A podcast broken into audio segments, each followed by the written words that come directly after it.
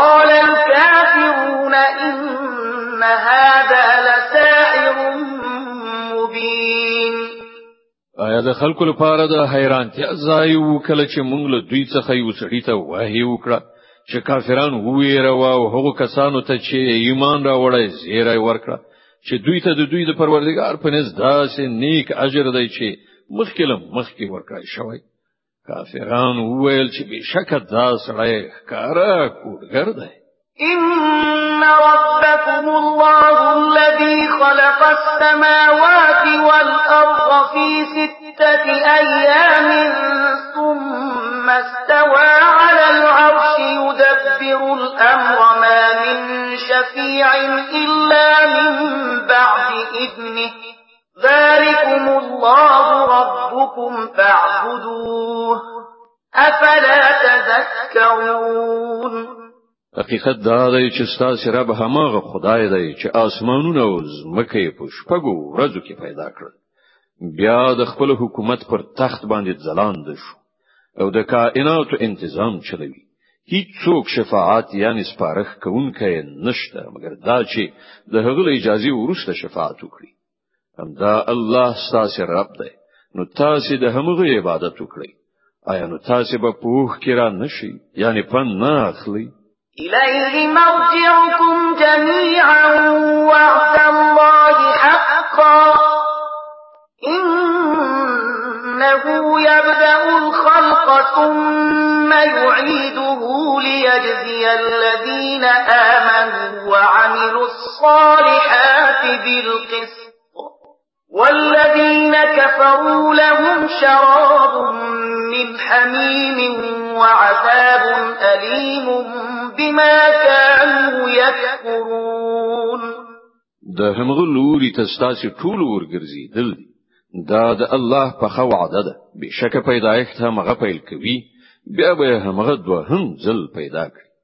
تر څو کوم خلکو چې ایمان راوړای دی او ښه عملونه یې سرته رسولي دي هغه ته په پوره انصاف سره مکافات ورکړي او کوم کسانو چې د کفر مسلک غوړه کړی دی هغه به د حق د هغه انکار په مجازات کې چې کاوی خوټېدلی او بوڅخي او دردناک سزا به وګوري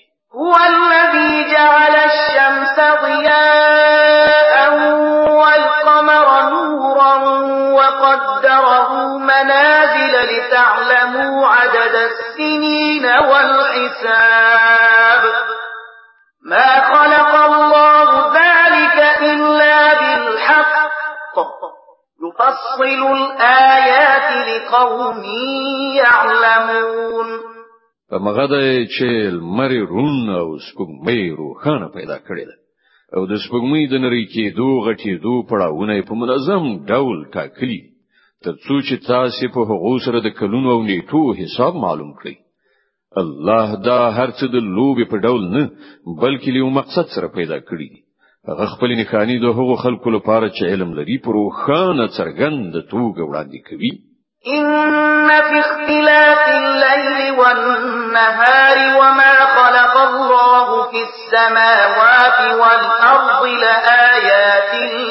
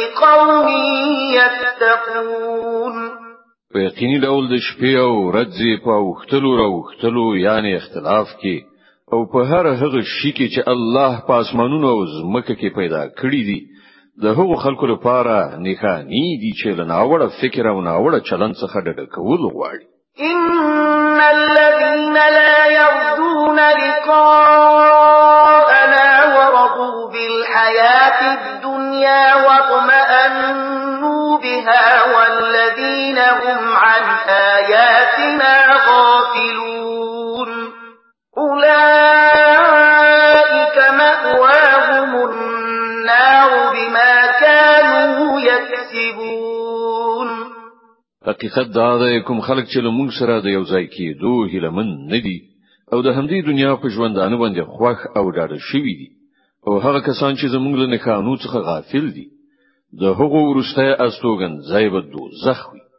د هغو ناوړو چارو په بدله کې چې هغوی د خپل دغه ناوړه عقیده او غلط کړن لارې لمخې سر ته رسولې ان الذين امنوا وعملوا الصالحات يهديهم ربهم إيمانهم تجري من تحتهم الأنهار في جنات النعيم او دا هم حقیقت دی چې کوم کسانو چې ایمان راوړای دی یعنی هغه رښتین ولې منلې دي چې په دې کتاب کې وړاندې کړی شوی دی او غوړه چاري سره رسولې دي غوی به د هغو رب د هغو د ایمان له امله پر سم لار وخوځوي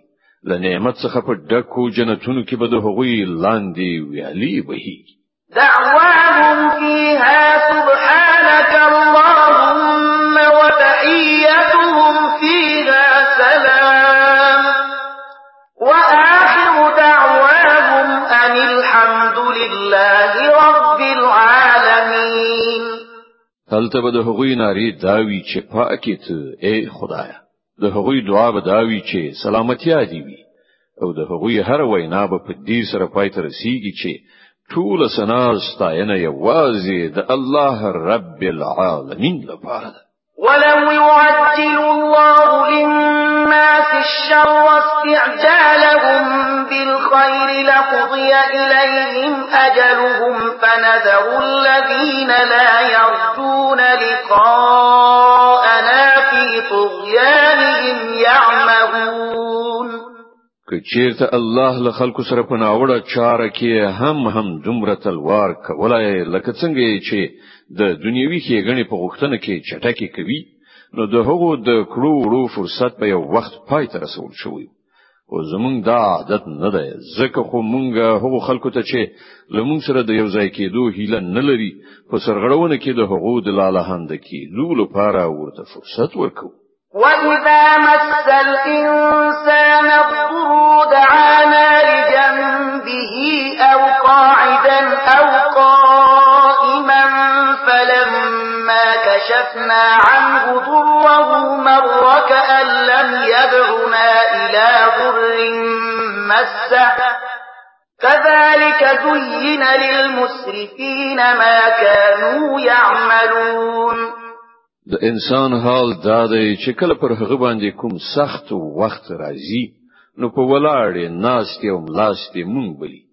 او کله چې موږ د هغه کړهو ایسته کو نو داسې زی وو زی چې ته به وای هغه هیڅ کله په خپل کومه بد ورځ کې مونږ له سره بللی نو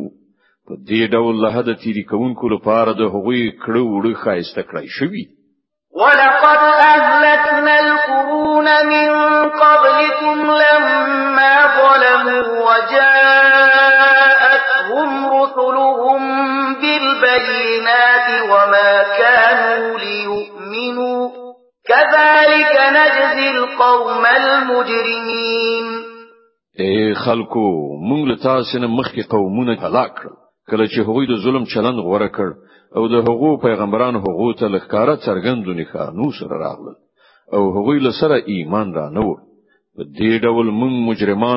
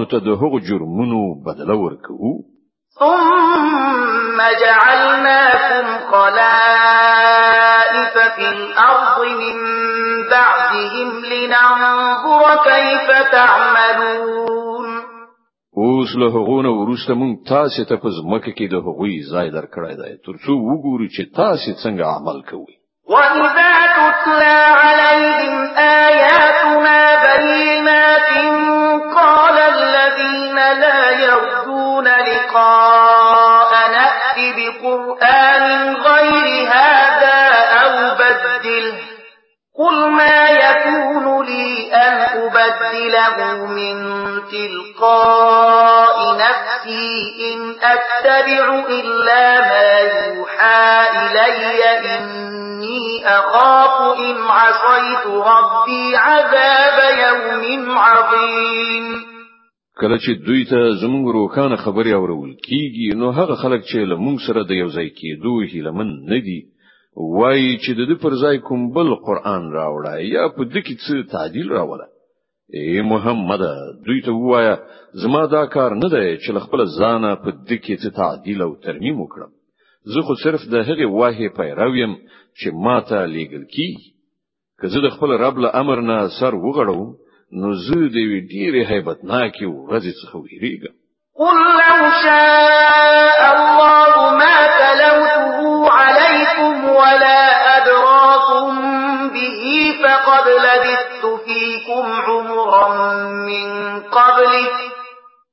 افلا تعقلون او وایا که د الله اراده هم دا وای نو ما به دا قران تاسو ته هیڅ کله نو واورولای او الله به تاسو ته د هغه خبر قدر هم نه وای درکړای کنو ما خو لدینه مخکې ستاسو په منځ کې یو عمر تیر کړای دی آیا تاسو له پوهې نه کار نه اخلئ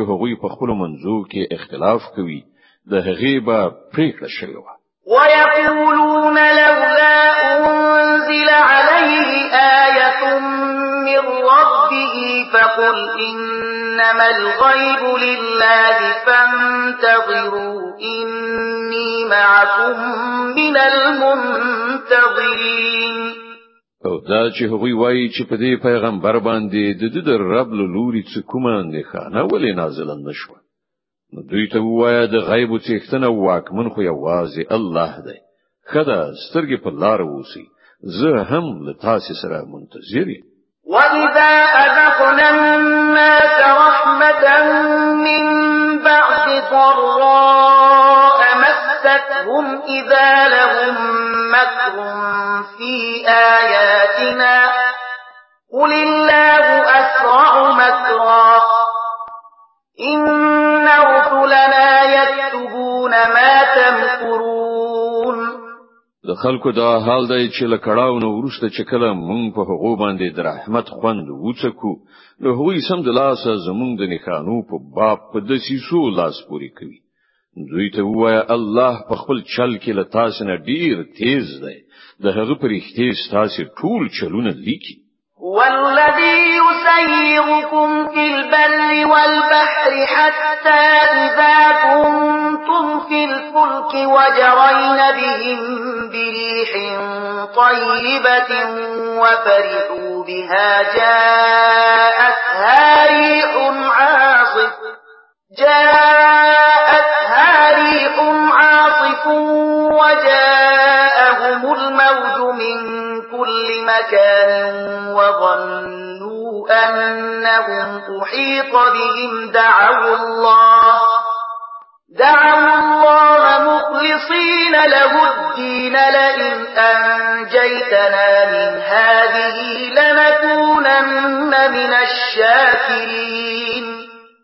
هماغه الله دی چې تاسو په وچه ولن دکی ګرځوي لکه چې کله تاسو په کشتیو کې په سپریدو په موافق باد سره خوشاله سوکاله سفر کوئ او بیا په ناڅاپي ډول مخالف تون باد را والوزي او له هر خوانه څپې څپاند کی او مسافران انګیری چې په طوفان کې راګیر شو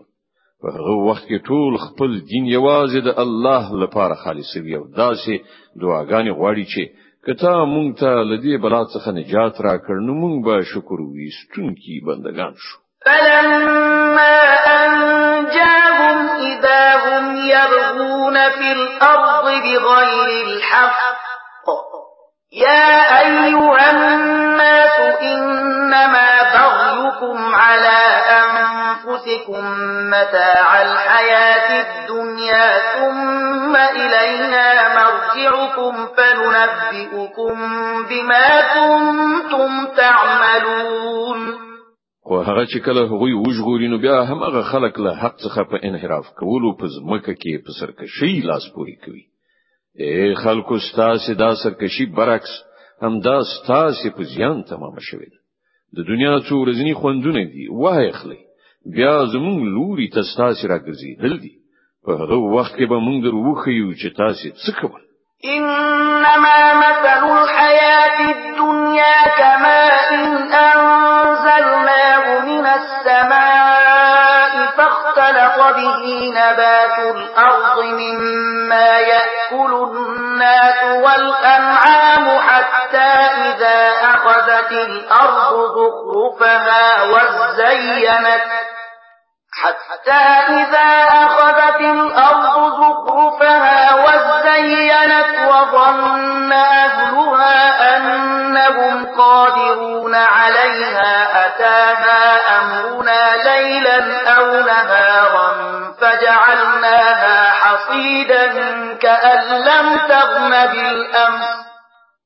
كذلك نفصل الآيات لقوم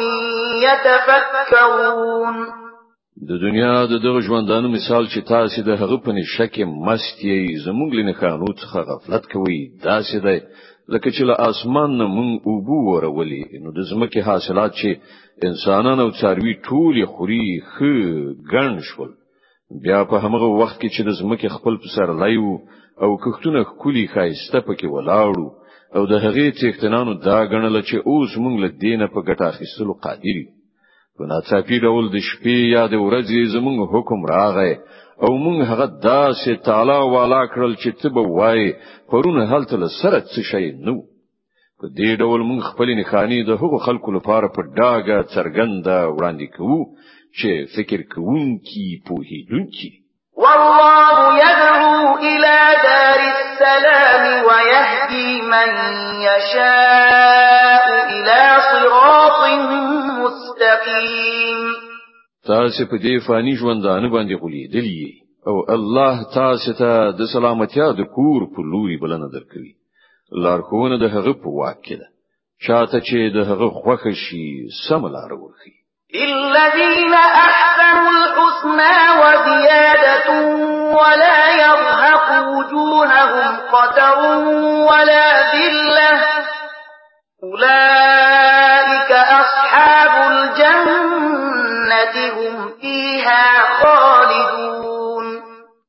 کوم کسانو چې د خو چارو لار غوړه کړه د هغو لپاره کې غنه ده او زیاته مهرباني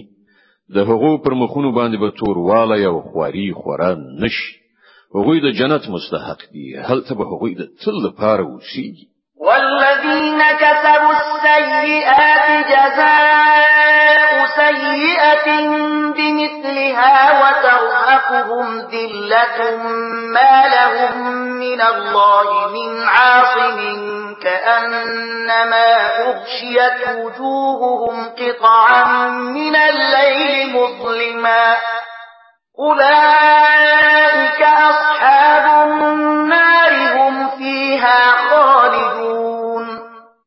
او کوم خلکو چې د بدیو ګټه کړې ده د هغو چې څنګه بدی ده همغه سی بدله به ومومي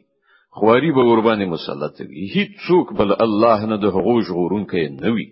د هغو پر مخونو باندې به داسې ترګمې خوره شوي وي لکه چې د شپې تورې پردې ور باندې غوړېدلې وي هغوی د دوزخ وړ دي هلته به هغوی د تل لپاره اوسي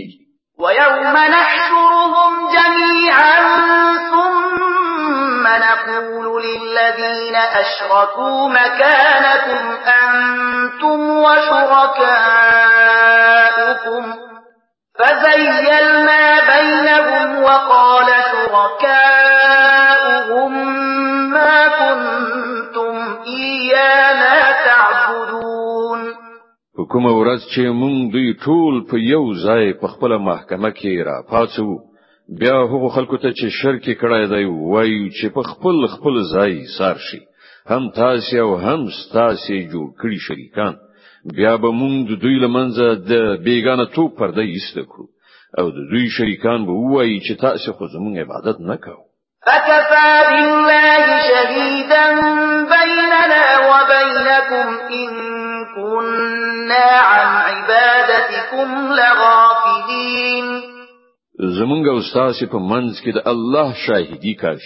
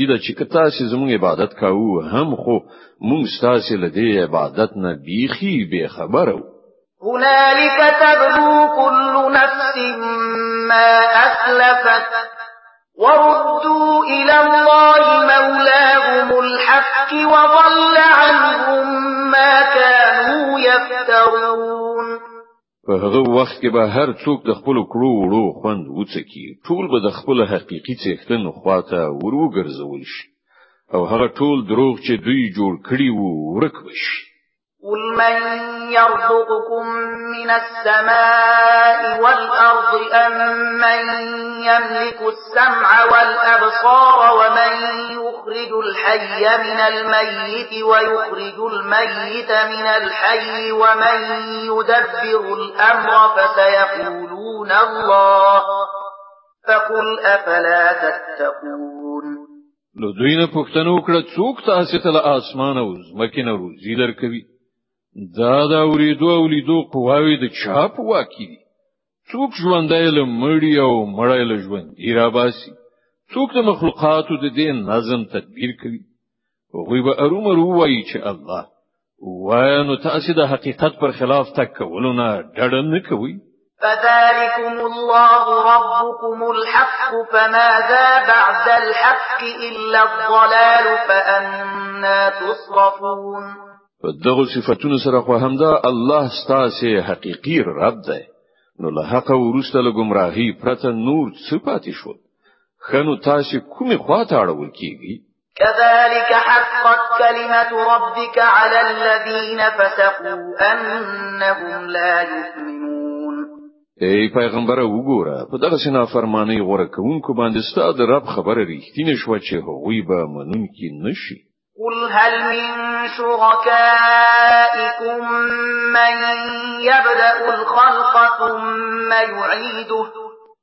قل الله يبدأ الخلق ثم يعيده فأنا تؤفكون له دوی نه پوښتنه وکړه ستاسو په انګیرل شو شریکانو کې څوک شته چې لومړی پیدا کول هم کړی وی او دوهم ځل پیدا کول هم وکړي وای هغه یوازې الله دی چې لومړی پیدا کول هم کوي او دوهم ځل هم نو تاسو دا په کومه چپه لار باندې قزول کیږي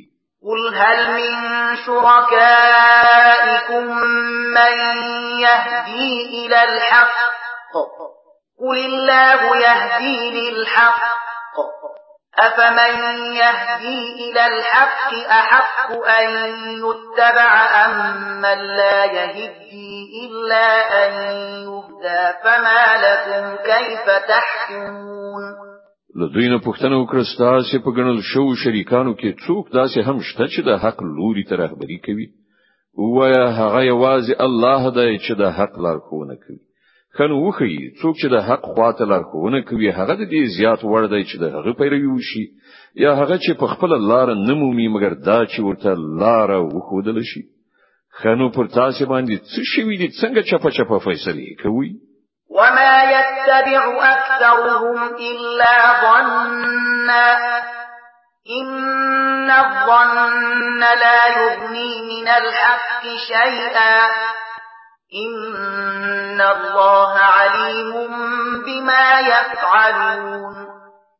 حقیقت دا دی چې له دوی نه زیاتره خلک یوازې په انګیرنې او ګمان پسې روان دي په داسې حال کې چې ګمان د حق اړتیا یو بڅره هم نه پوره کوي څه چې دوی کوي الله ور باندې خو پوهیږي وما كان هذا القرآن أن يفتح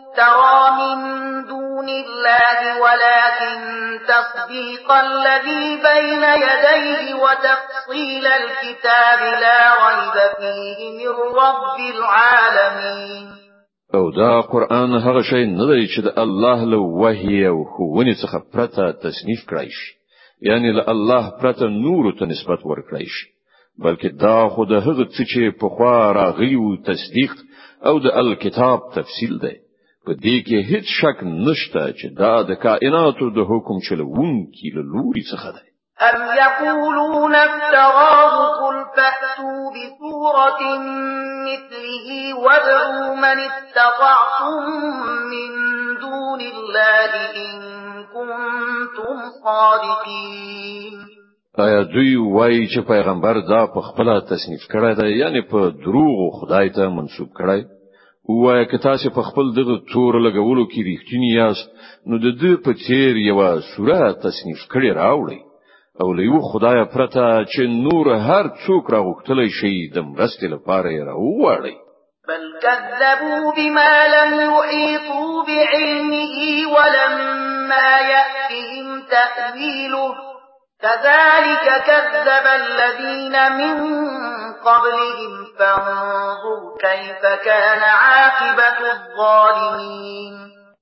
اصلي خبره دا ده چې کوم شی چې د دوی د علم په احاطه کې نه دی راغلی او د کوم شی راتلونکی چې د دوی تر نظر لاندې نه دراغلی دوی هغه ارومرو پټکلی ډول دروغ وګڼه په هم دې ډول خو دوی نه مخکې خلکو هم د دروغو نسبتونه کړی دي نو وګوره د هغو ظالمانو څه عاقبت شو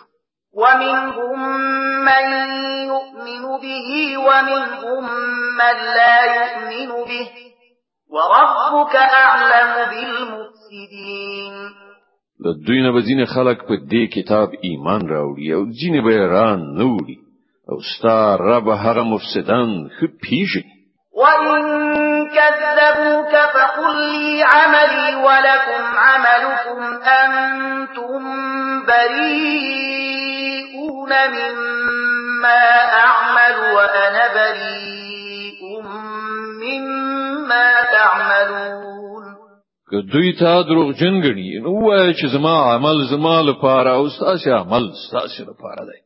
څه چې زه کوم د هغه مسؤلیت نه تاسو خلاصي او څه چې تاسو کوي د هغه مسؤلیت نه زه خلاصي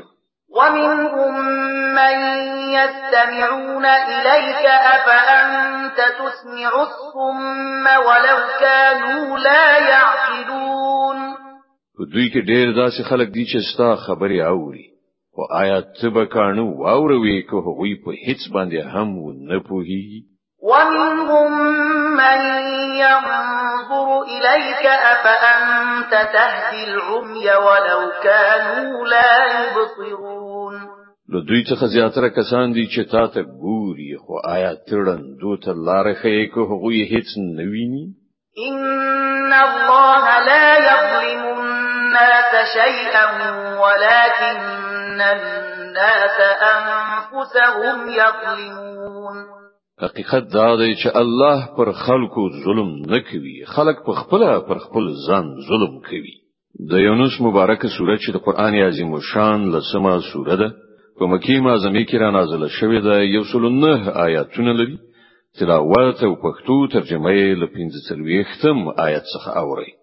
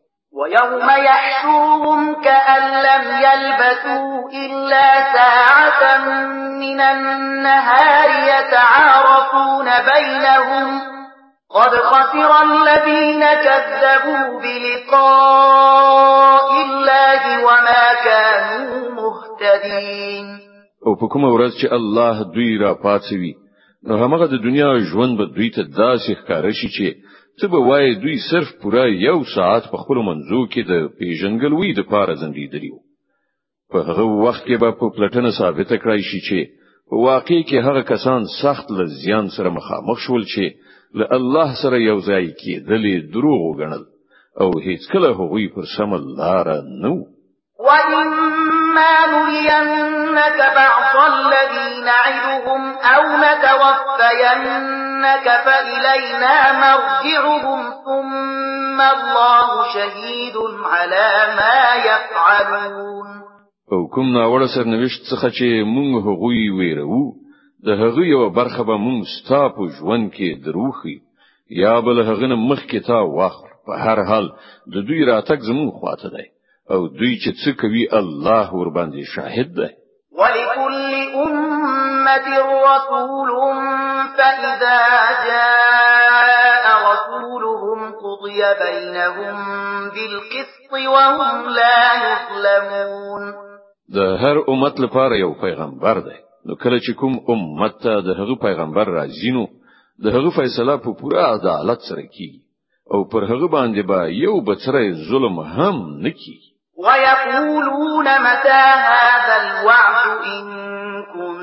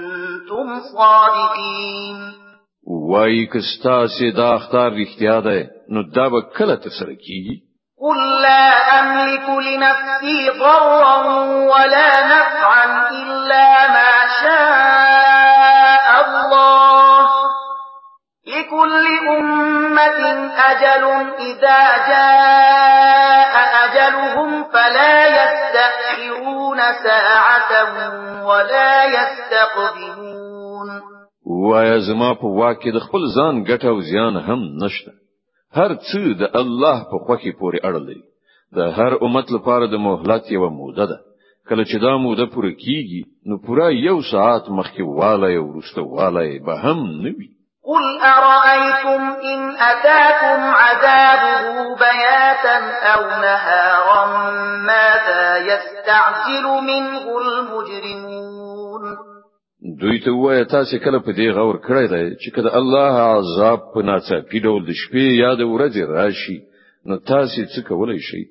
خنو دا کوم داسې شی دی چې د هغه لپاره مجرمان تلوار کوي ثم اذا ما وقع آمنتم به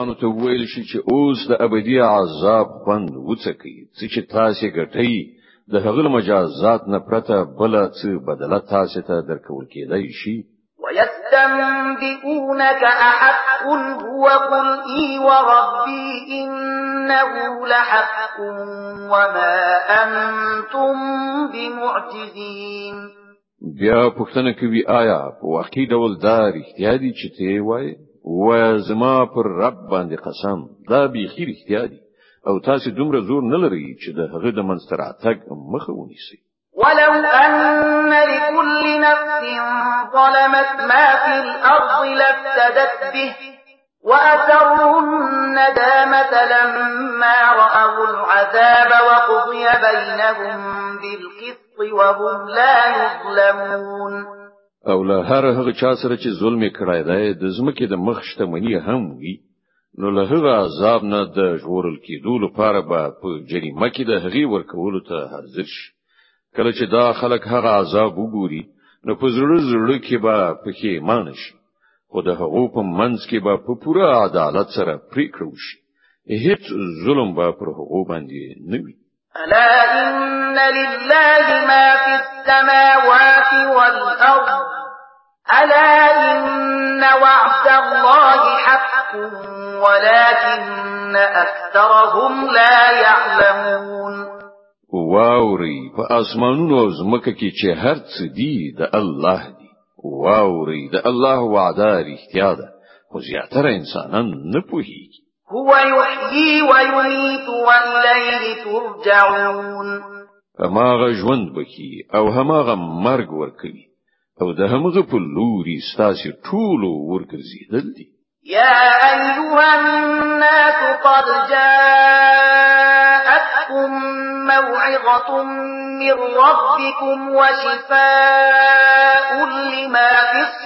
صدور وهدى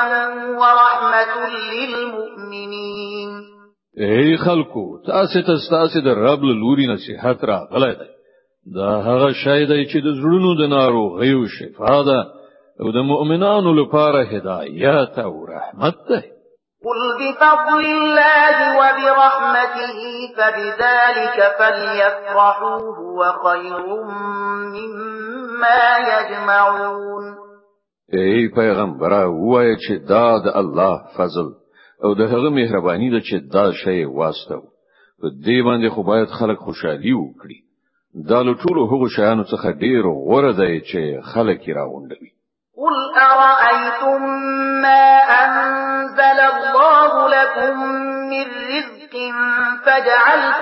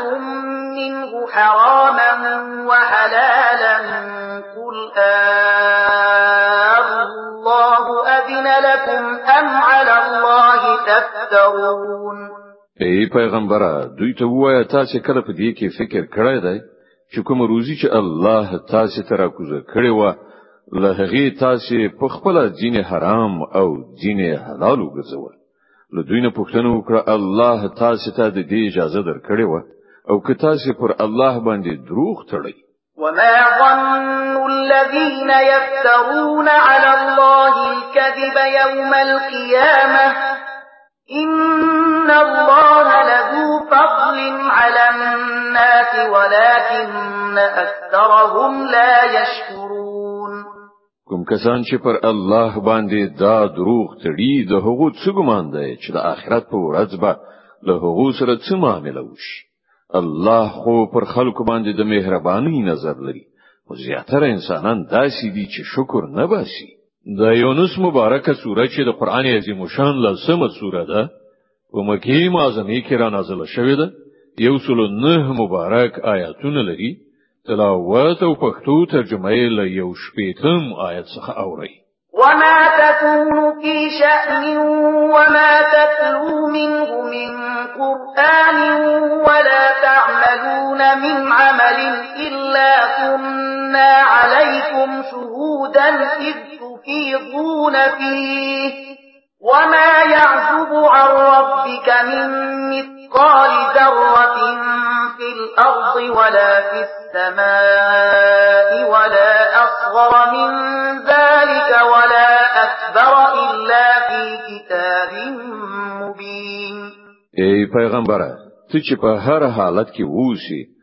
او له قران نه چې هرڅ اوري او اي خلکو تاسو هم چې څه کوي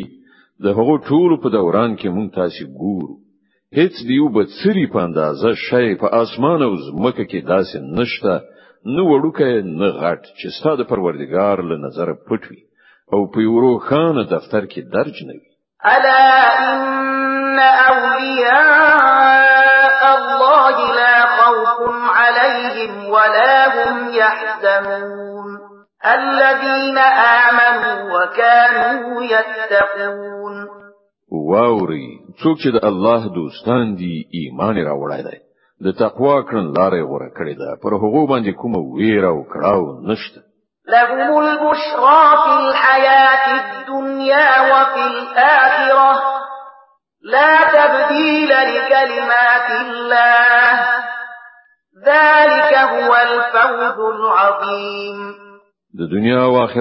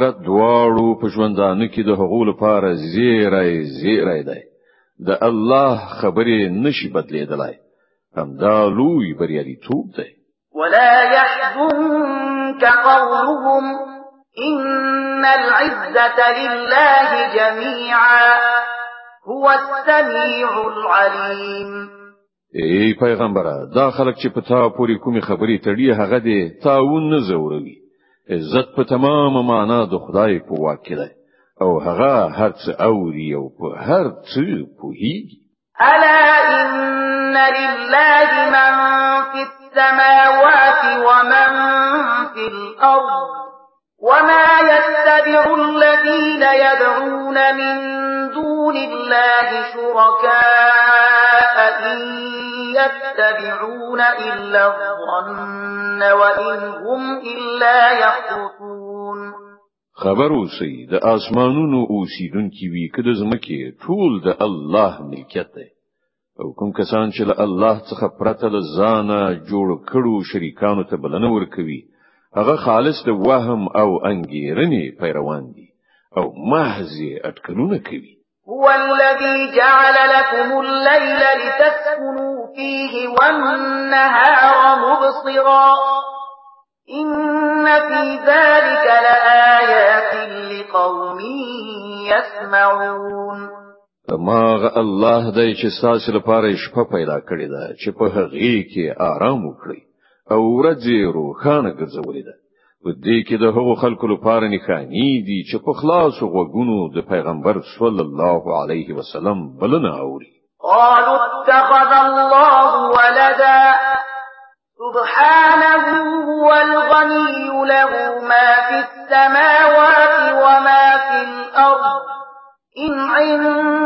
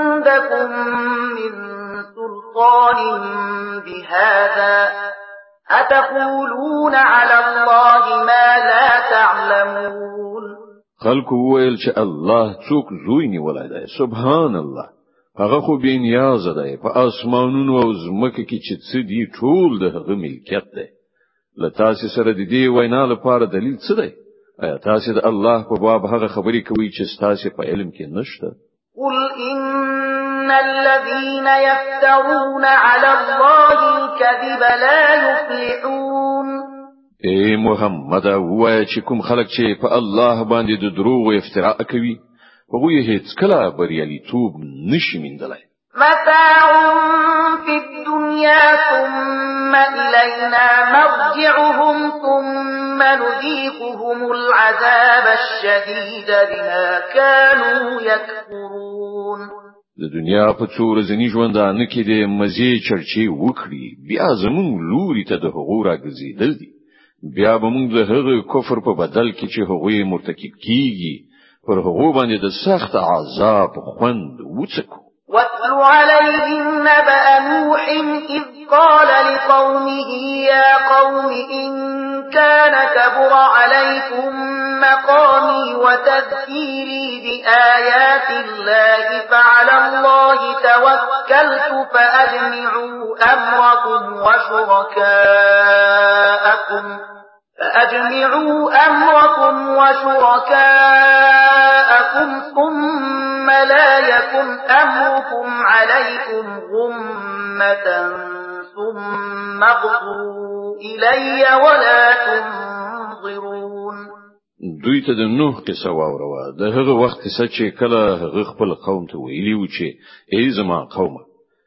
که ستاسو په منځ کې زما اوسېدل او د الله د آیاتونو په بیا بیا ورولو سره